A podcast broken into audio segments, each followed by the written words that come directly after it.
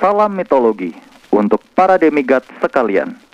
Semoga kalian semua diberkahi oleh 12 dewa Olympus dan 7 dewa keberuntungan, Shichi Fukujin.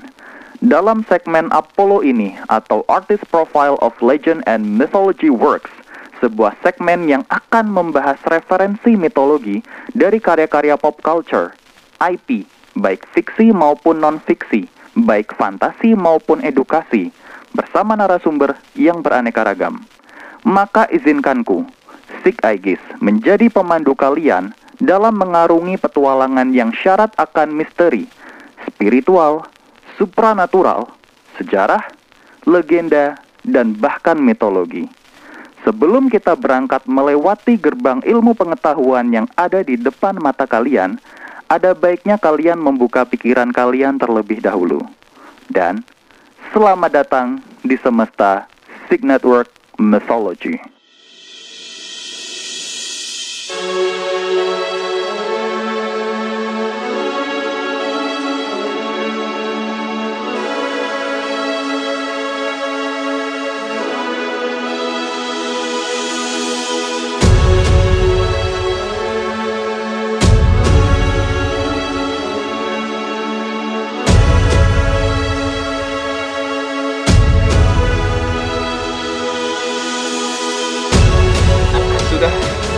Sini salah satu kreator lokal namanya Mas Aswin Siregar. Silahkan Mas dikenali Mas. Halo, uh, Mas saya Aswin Sregar. Saya salah satu co-creator dari, eh bukan salah satu, emang salah satunya co-creator dari Pop dan Valentine, Jawara Indonesia. Uh, beberapa judul komik lokal ya, komik nasional lah. Dan satu lagi judul yang belum keluar, judulnya sih Duet Maut. Wah. Saya kreatornya, bukan co-creator. Saya kreator. Wah, keren keren. Berarti Mas ini disebutnya komikus lah ya atau kreator nih? Nah ini bingung juga nih sebutan yang benar apa kalau di Indonesia kan karena kan masih belum familiar ya Eh, nama istilah-istilah itu ya mungkin bisa dibilang komikus juga sih komikus yang menciptakan ya ya jadi kreator juga sebenarnya ya kreator di bidang komik Oke. Nah, spesialisasinya kalau Mas Aswin ini lebih ke superhero ya. Super superhero ya, superhuman atau superhero berarti ya? spesialisasinya ke- karena kebetulan di Scalar Ya. Comics ini kan memang genrenya kan lebih ke hero ya kayak Hmm. superhero superhero gitu ya jadi ya otomatis eh, emang lebih arahnya lebih ke sana sih bukan komik misteri atau komik horor gitu Oke kalau gitu. Nah, eh, Mas Aswin ini kalau nggak salah kolaborasinya sama Mas Marcelino Lefran ya. iya betul Nah, Mas Marcelino Lefran ini sebagai apa Mas? Kalau boleh tahu? nah ini sebenarnya dia itu sebagai eh, penulis sih sebenarnya dia sama jadi jadi gini dia yang eh, ngarang ceritanya dibantu oleh saya. Saya sekaligus yang ngegambar ngedesain karakter-karakter yang yang kita sepakatin. Eh maksudnya saya ngegambar berdasarkan imajinasi dia gitu loh. Terus saya saya terapkan di eh, kertas gambar saya. Wah gue rasa kayak Volt nih contoh nih. Dia wah gue pengen punya hero. Ceritanya originnya kayak gini-gini based on listrik ini segala macam. Akhirnya gue berdasarkan itu gue cari referensi nih beberapa hero nih yang udah pernah ada yang based on power itu supaya gue nggak mirip dong tentunya desainnya ya akhirnya gue akhirnya gue yang meng-create karakter desainnya Ber- berikut dengan villain-villainnya terus karakter-karakter pembantu lainnya seperti itu di Valentine juga seperti itu cuma kalau Valentine bukan Marcelino namanya Sarjono Sutrisno oh beda lagi. Nah, based on beda lagi. Jadi eh, di Scalar Comic nih kreatornya tuh sebenarnya ada ba- banyak gitu. Untuk urusan desain bisanya biasanya diserahkan oleh saya. oh. gitu. berat- Jadi mau nggak mau nggak mau eh, setiap karya yang diciptakan di Scalar Comic pasti ada nama saya gitu. Nah, eh, tadi ngomong-ngomong masalah karya, ada nih ada Volt, ada, ada Valentine, ada Duet Maut. Nah itu eh, boleh diceritain dikit nggak tentang karya yang sedang dikerjakan nih? Yang lebih khususnya seperti apa gitu? Singkat aja. lebih seperti apa maksudnya sorry Eh, gini, kan eh, tadi ada cerita Vault, ada Valentine, ada Duet Maut.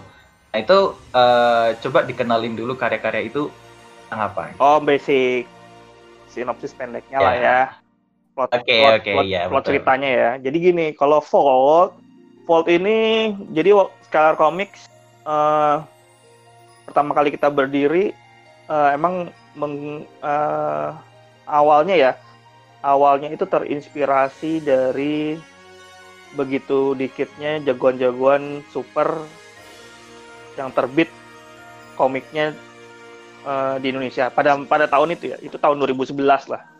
Tahun 2011 sebenarnya udah ada kan kayak Gundala, Aquanus. Tapi pada tahun itu tuh kalau nggak salah menurut pengetahuan saya dan Marcel lagi sepi-sepinya penggiat komik nasional itu lagi mungkin lagi tidur dulu kali ya kan rame-ramenya nih baru sekar- baru sekarang nih Betul.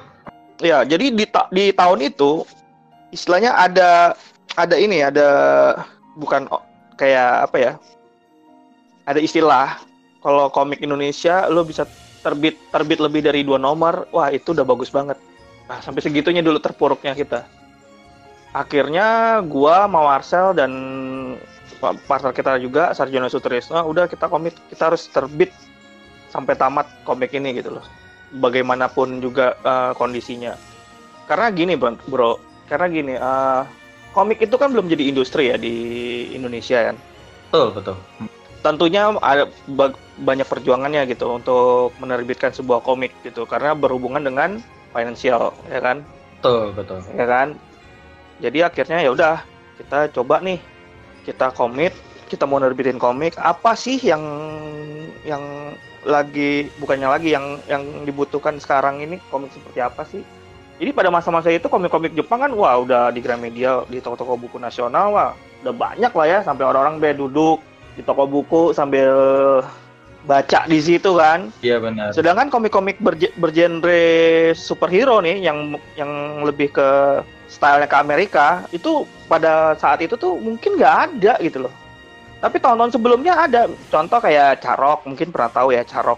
Carok tahu Carok. Hmm. Carok ya kan. Itu kan sempat hits banget tahun 90-an nih itu. Dan itu kan udah lama juga. Gundala pun terakhir mengeluarkan komiknya itu tahun berapa gitu loh. Zaman gua TK kali. Mungkin ya Anjir, udah lama banget berarti ya? udah lama banget jadi udah maksudnya eh, dalam kultur budaya komik yang yang ngobrolin soal apa bertema superhero itu sangat dikit pada saat itu. Oh. gue inget banget tahun 2011 tuh emang lagi hits hitsnya kayak Naruto kayak ya kalau kalau kita ngomongin soal manga gitu nggak pernah matinya lah ya dari dari dari terbitnya Kung Fu Boy sampai sekarang sih. Iya betul. udah berbagai macam macam judul kan Tip- apa manga-manga gitu kan.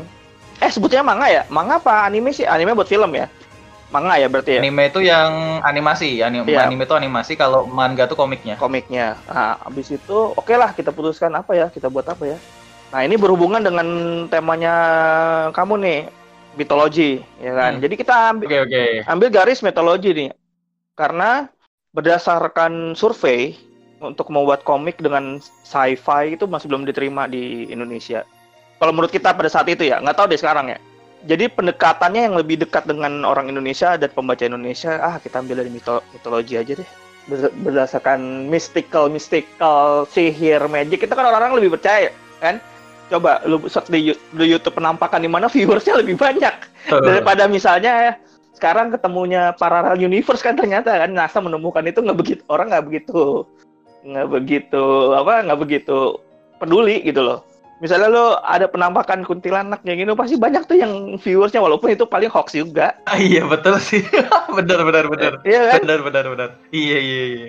nah oke lah akhirnya kita ambil dari situ ambil dari situ dulu kita tarik oh powernya apa nih power hero-nya listrik deh kita kenapa listrik gitu karena itu mewakili dari zaman modern kan kayak lamp, di rumah-rumah ada listrik segala macam ya itu mewakili generasi sekarang lah akhirnya ya udah dari situ kita kembangkan akhirnya lahirlah Volt Volt sendiri sebenarnya berkisah tentang suatu pusaka kita ngarang ya ini ya cuma gua gua kita hubung cuma kita hubung-hubungi dengan Oke oke. eh, mitologi zaman-zaman dulu lah istilahnya Jadi pada zaman dahulu kala di saat manusia masih percaya dengan dewa-dewa dan dewa-dewa pun pada ini kan pada berkuasa gitu.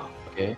Terjadi manusia-manusia menyembah dewa, dewa pun mengasih ini. Terus uh, ternyata terjadi uh, istilahnya ada yang ngiri gitu loh dari pihak dunia bawah. Jadi gue ngomongnya ada dunia atas itu para dewa, dunia uh, tengah itu manusia dan dunia bawah itu diisi sama kayak demon makhluk-makhluk seperti itu iri nih mereka akhirnya mereka nyerbu nih ke dunia dunia atas nih jadi dunia atas itu gue gambarnya ada Zeus kita nih ya kita meng ada Zeus ada dewa-dewa lainnya ada ada Odin jadi semua itu jadi satu kita buat universe-nya karena kan lo bayangin deh hampir di setiap negara ada kemiripan dewa-dewa mereka gitu loh.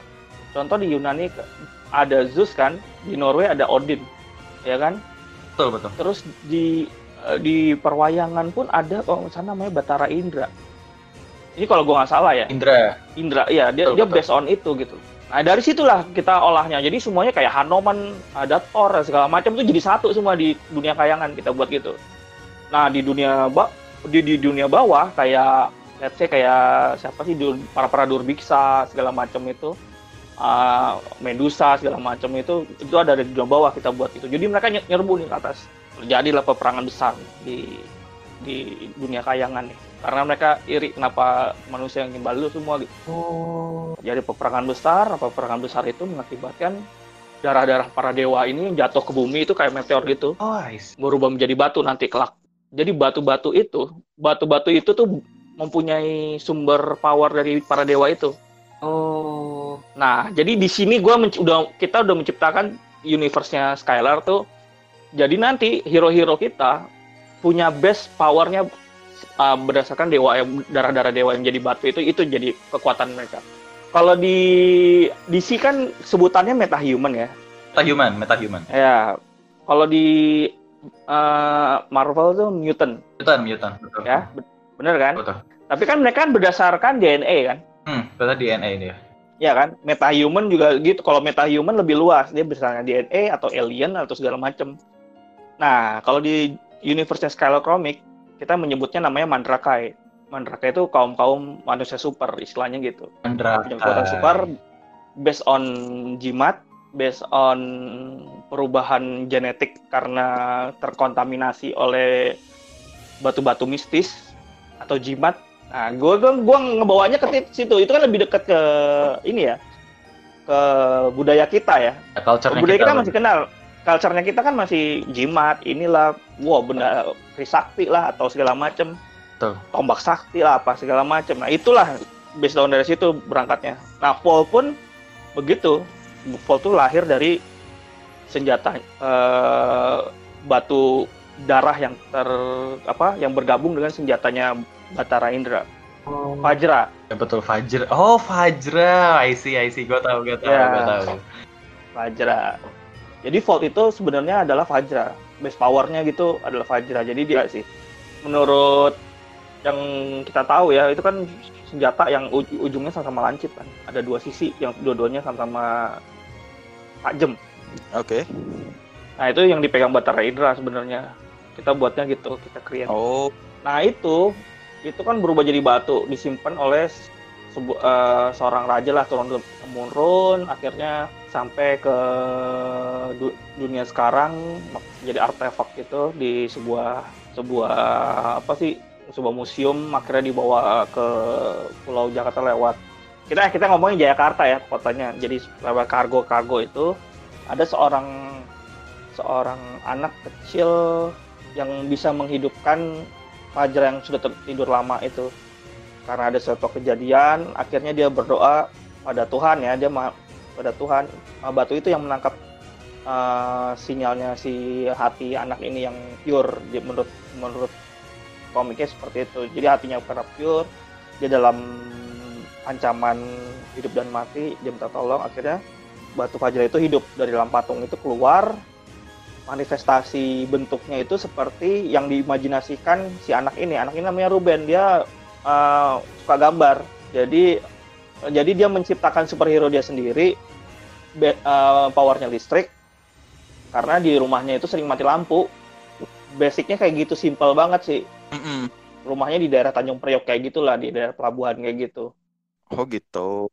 Jadi setiap setiap berapa ber- seminggu itu berapa kali dapat giliran mati lampu nyala. Jadi dia belajar sambil kesel kan dia gambar coba gue punya superhero bentuknya punya powernya listrik ya. Nah pada saat itu dia mikirnya yang dalam hati kecil dia dia minta tolong itu ya itu nangkep si Fajar itu keluar jadi superhero bentuknya Volt gitu Oh, makanya kelihatannya bentuknya modern gitu kan kayak bentuk-bentuk superhero modern zaman sekarang gitu benar benar. gitu. A- kalau aslinya sih kalau di komik ya nanti kan gue bakal ngerilis ulang komik Vault ini kan diterbitin sama Gramedia. Kalau bentuk aslinya sih lebih kayak ya kayak ancient ancient gitu sebenarnya gitu loh. Kalau si Fajranya sendiri ya. Mm-mm. Tapi karena udah termanifestasi imajinasi anak ini ya berubahnya jadi Vault yang kita tahu sekarang. Oke. Nah, jadi kalau di Vault itu berkisahnya ya superhero-superhero yang yang powerful gitulah. Kita ngomong lawan monster, lawan ini pokoknya yang imajinasi kayak gitu yang superior gitulah. Mm-mm. Beda sama Valentine. Jadi kalau Valentine kalau gue ceritain Mm-mm. masih skalanya street crime gitulah.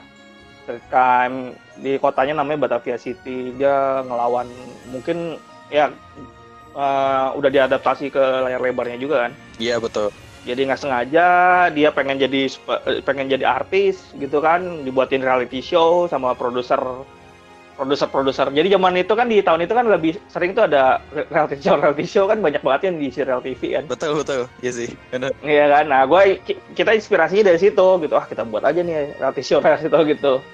Nah akhirnya lahirlah Valentine tuh lucu sih. Jadi tadinya sih pengen si karakter Sri Maya ini pengen jadi artis doang ada di ibu kota. Cuma di kayaknya ditipu gitu sama produsernya. Udah kita buat ini aja tapi kita harus buat reality show dulu. Kalau misalnya ini naik baru dibuatin ini gitu. Rada-rada ditipu-tipu dikit nih sama produsernya sebenarnya si Sri Maya ini. Oh, eh nggak taunya ketemu ketemu penjahat beneran.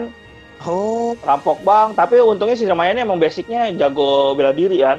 Kayak martial art itu jago dia. Oh. nah bersinggungan sama perampok beneran dari situlah dia bertekad pengen jadi superhero beneran gitu. Karena ada suatu hal di kejadian di jalan cerita komiknya Basicnya hampir-hampir mirip kayak Kick Ass berarti ya? hampir kayak kick ass tapi sebenarnya gue lebih ke kayak Batman sih. Jadi musuh villain villain villain villainnya dia tuh nanti ya mandrakai mandrakai juga. Jadi nanti si Valentine dia mempunyai batu jimat jimat juga nih di season keduanya ntar yang bakal gue create. Mm-mm. jadi untuk mengimbangi dia jadi dia punya power juga untuk melawan mandrakai mandrakai yang jahat. Oh, gitu. berarti eh, sumber utama dari kon ya kalau gue bilang sih mungkin artefak ya artefaknya itu mungkin jim- jimatnya itu tadi ya kalau di universe-nya Skyler ya Ya, jadi kita ngomongin kayak bisa jimat, bisa apa gitu, kayak ya sesu- sesuatu yang berbau mistik, tapi jadi power kayak superhero gua gua gua mix. Jadi antara budaya timur sama west culture gitu gua mix. Skylar Comics sih begitu. Nah, kalau di Duet Maut, Duet Maut ini lebih lebih lucu lagi ini jadi baru baru gue yang create. Kebetulan gue kreatornya, gue yang desain juga oke dibantu sama teman gue namanya Rama Exo Projo. Dia, dia yang nulis naskahnya based on cerita yang gue create. Jadi ad- dua orang duet mautnya ada dua orang. Satu emang dukun dukun nih, dukun yang sangat canggih lah di di universe-nya, sakti, sangat sakti. Satunya lagi dosen Mm-mm. eh, dosen astrofisika gitu. Oke Tapi dia percaya sama dunia-dunia mistis gitu loh. Cuma dia nggak bisa ngelihat setan tuh. Jadi dia menciptakan Google sama senjata untuk melawan setan-setan. Nah, di menarik jadi di duet maut ini, gue mengangkat di universe Scalar Comic yang di dunia bawah. oh Kalau Vault kan tadi kan di dunia atas kan, betul para dewa kan, betul bersinggungan itu. Kalau Valentine kan di tengah kan, manusia antara manusia segala macam kan. Nah dunia bawah ini gue ambil duet maut. Jadi gue mengambil sisi magic lah istilahnya. Oh gitu. Oke. Gitu. Jadi eh, ini sih lebih menarik. Jadi nanti si jagoannya ini salah satunya dia emang mempunyai keris keris sakti. Itu peni- dia dia mendapat itu dari peninggalan eh, Pangeran Diponegoro ceritanya gitu. Oh. Lo kalau perhatiin Pangeran Diponegoro kan kalau di di gambar lukisan kan dia selalu angkat keris kan betul betul betul. Iya iya. Nah itu gue yakin tuh Krisnya tuh sakti, gue yakin itu. Nggak tahu ya itu benar apa, gue yakin tuh wah ini sakti di sini Pangeran Diponegoro ini pasti sakti nih orangnya. Oke oke oke. Akhirnya dari situ lah gue berangkat ceritanya, wah ini salah satu dukunnya ini megang itu.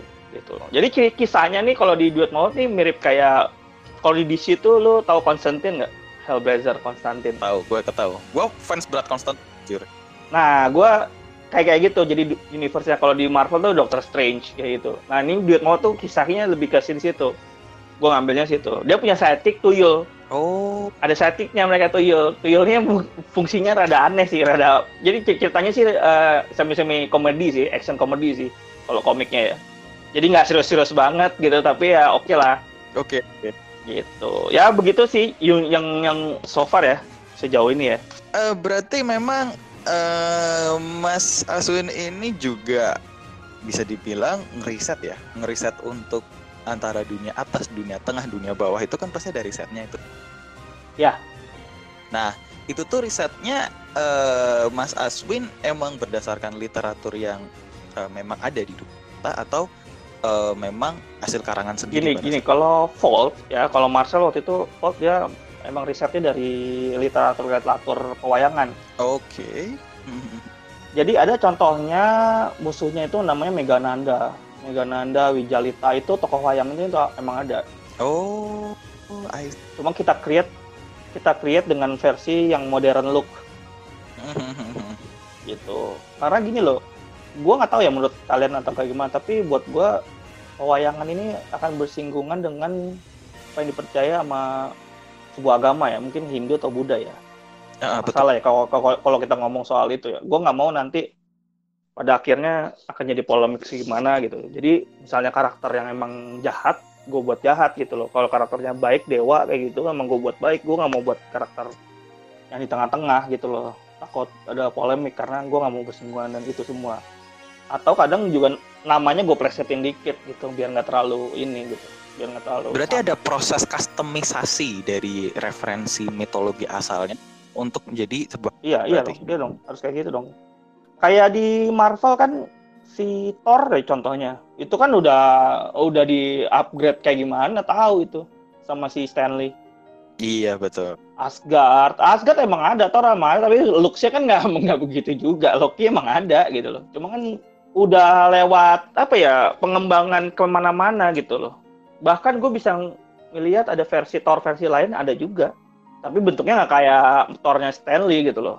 Dan kira-kira seperti itu sih penggambarannya sih. Oke. Nah, eh memang ada sebuah eh, pasti kustomisasi itu pasti tapi tidak melupakan core utamanya ya pastinya ya gitu. Sekalipun Ya kita berusaha nggak jauh dari itulah. Gitu.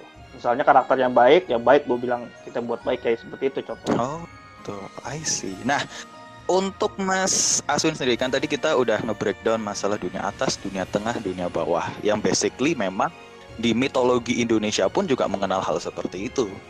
Ada dunia atas, bayangan, dunia bawah, eh, tengah itu adalah manusia, dunia bawah itu adalah dunia yang kayak eh, demon-demon gitulah, naraka dan lain sebagainya gitu.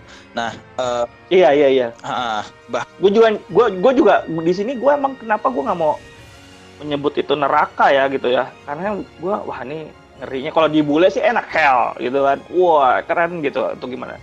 Gue rada-rada masih rada nggak tahu ya gue ngerasa nggak kayak aduh gue sebut dunia bawah aja deh analoginya dibawa ke situ aja biar orang mem- memikirkan oh ini emang dunia yang yang kelam-kelam dark di sini deh gitu. ya soalnya memang Jadi gue nggak mau bi- nggak mau bilang surga atau gimana gitu nggak ngeri gue. karena memang eh, ya tahu sendirilah kondisi kita seperti apa. Iya, karena gini loh bro, maksud gua kalau di luar sana kan mereka bisa, ya gua nggak tahu ya mungkin kebanyakan ateis kan di Ame- Amerika apa di luar sana ya.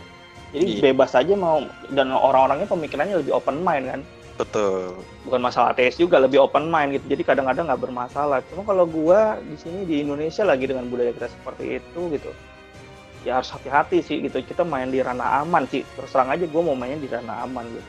Karena perta- per- pertama itu, kedua kan kita menciptakan komik ini kan buat hiburan ya. Jangan sampai nanti yang tadi buat hiburan malah jadi gue jadi yang pusing sendiri ngurusin yang yang ini ini. Gue males banget gitu loh. Iya sih bener. udah. Nah itu itu yang yang udah main aman aja. Benar-benar. Itu yang memang harus eh, jadi apa ya memang harus jadi concern untuk semua kreator. Memang benar sih itu.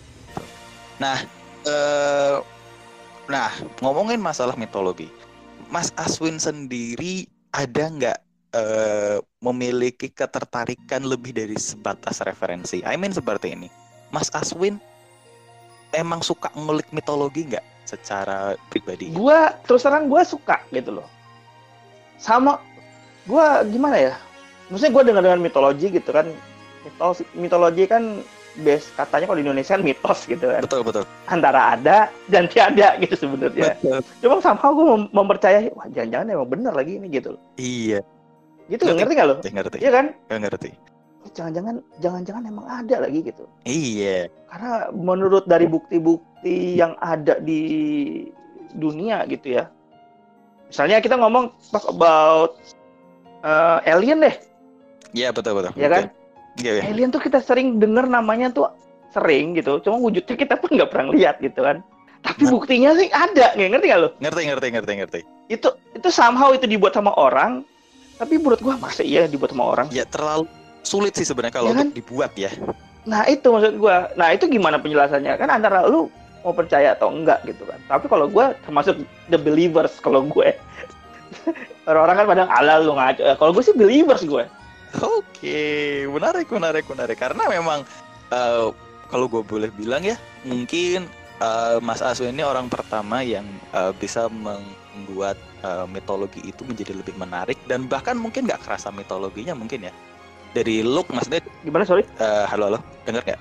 Eh, ya dengar. eh, mungkin Mas Aswin ini emang orang pertama yang bisa eh mengim apa apa ya istilahnya membuat sebuah universe yang eh, kayak dunia atas, dunia tengah, dunia bawah Ya. itu tuh di itu Hmm. mungkin baru Mas sepertinya yang yang gua yang gua baru tahu ya. Karena yang lain-lain itu kadang kalau misalkan pakai referensinya itu ya mohon mohon maaf nih kalau emang ada pendengar gua yang hobinya dengerin pewayangan dan Hindu pasti rata-rata adalah referensinya udah Ramayana Mahai apa? Kaca. Iya Mahabharata Ram ya kan? udah gitu sekitar itu ya kayak nggak ada yang lain. Nah kalau misalkan ada yang lain pun juga pasti eh, mitologi-mitologi luar kayak Yunani lagi Nordik lagi Mesir lagi gitu. Padahal masih banyak men itu Indone- yang di Indonesia itu masih banyak banget gitu.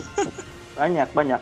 Nah ini alasannya nih bro. Jadi gini gua waktu gua bersama Marcel dan tim ya tentunya ya banyak sebenarnya yang mengkritik Volt.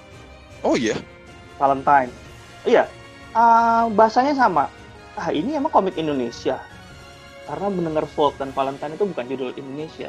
Oh.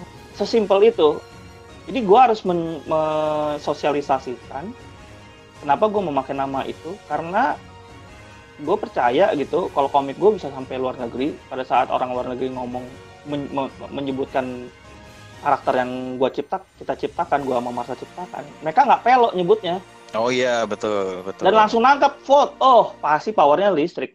Iya iya. Gitu. Valentine juga nggak nggak pasti ngomongnya juga nggak pelok gitu loh. Ah benar benar dan selalu dan selalu per- pertanyaan-pertanyaan yang buat gue sih ya sorry sorry aja ya kayak receh gitu. Wah ini bukan orang Indonesia ini bukan komik Indonesia.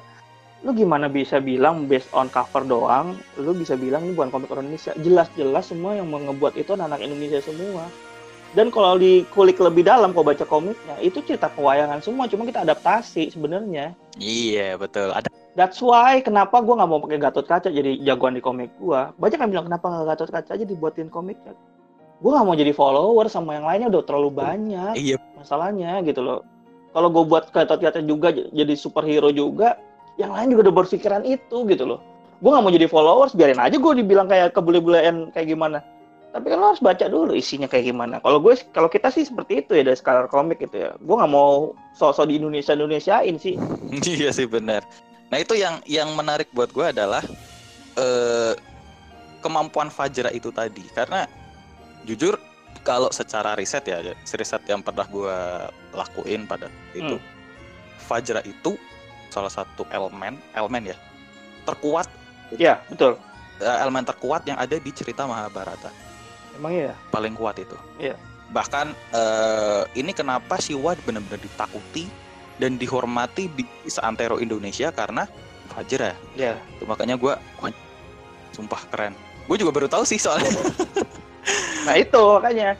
Lu harus baca komiknya dulu makanya. Komiknya sih sebenarnya kalau buat anak-anak ada berat sih, tapi masih bisa oke lah, bisa diterima karena penjelasannya banyak banget di komik.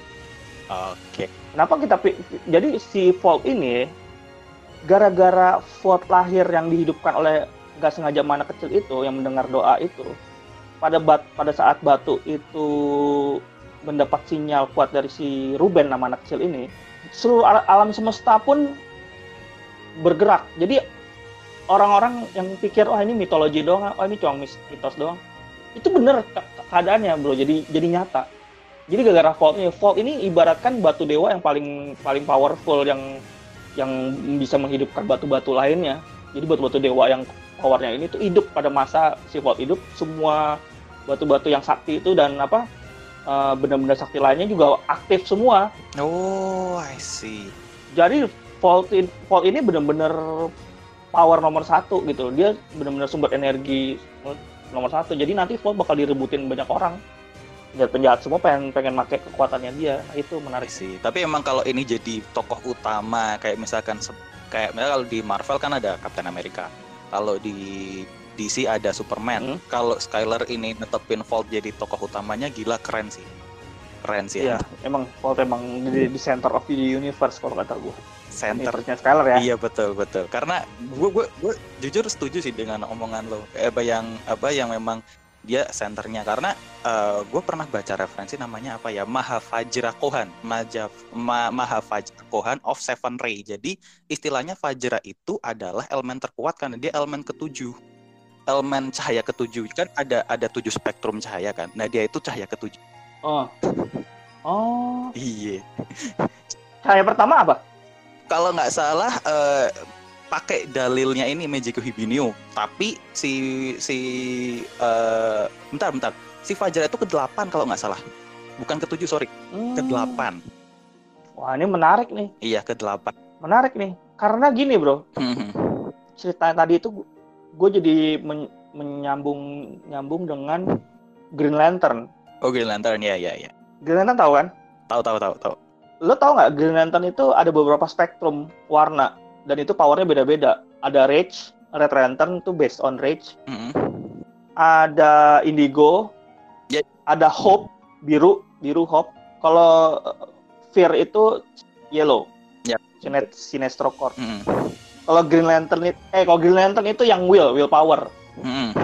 Nah, gue rada-rada mix sama it- dari situ juga sih. Di- ada di Skylar, ada salah satu hero di Skylar Oh. Comics sih. Jadi base Iya itu. gila keren kalau kalau yang gue baca sih memang eh, Seven Ray itu adalah merujuk sama istilahnya Manunggaling Kawulo Gusti kalau di bahasa eh, kalau diistilahkan Indonesia ya Manunggaling Kawulo Gusti kalau di bahasa eh, ya agama Samawi itu istilahnya Ascended Master. Istilahnya kayak orang yang udah jadi dewa lah gitu. Hmm, oh gitu. jadi emang kalau Volt emang pakai referensi itu gila ini superhero keren ini bener keren gila gue harus beli buku Iya. berarti nih gue lebih suka cetak. Harus, harus. Iya, nanti kita akan rilis ulang. Jadi gini. Gua, akhirnya Volt kan diambil sama major gede nih. Penerbit besar nih Gramedia lah. Gue sebut LS Media. oke Jadi nanti buku-buku single yang kita dulu terbitkan 10 buku itu jadi akan diterbitkan ulang jadi tiga buku. Jadi bentuknya kayak trade paperback gitu. kompendium gitu ya berarti ya Iya, di bagian ada bagian satu, bagian dua, bagian tiga. oh sip Nanti bag, di, di tiap bukunya itu ada bonus tambahan cerita baru, hero baru. anjir gue pe Gue sisipin situ gue pengen beli coba nanti kalau udah rilis aku pilih nanti. Iya, iya. Oke, Oke, menarik banget nih obrolannya gila gila. Gue gue dapat dapat referensi banyak sih sebenarnya. Walaupun yang gue kemarin lihat itu yang duet maut, gue sebenarnya lebih tertarik yang duet maut sih kalau di awal awal teaser yang eh, pas Mas Aswin ngomong di M Block waktu itu ya. Gue lebih tertarik. Gimana? Iya, yang duet Indonesia Comic Con. Iya, yang yang yang di yang di ini, yang di M Block M- M-Block. Ah, Oh ya. ya itu eh, Eh, tertariknya itu justru di duet mount. Setelah denger yang Vault yang sekarang, gila gue pengen beli yang Vault. Ya lo cari aja di M-Block masih ada lengkap loh itu kalau salah. Single-singlenya Oke, udah lengkap. Mm. siap siap. Dan itu ada pen- ada penjelasannya nanti. Mm. Misalnya sosok Megananda, nih toko wayangnya ini kayak gini nih bentuk wayang kulitnya. Tapi toko udah gua adaptasi menjadi Megananda seperti ini desainnya. Oh, Jadi ada bonus-bonus halaman seperti itu. Oke lah kalau begitu. Oke, eh, terima kasih banyak Mas buat waktunya nih. Oke.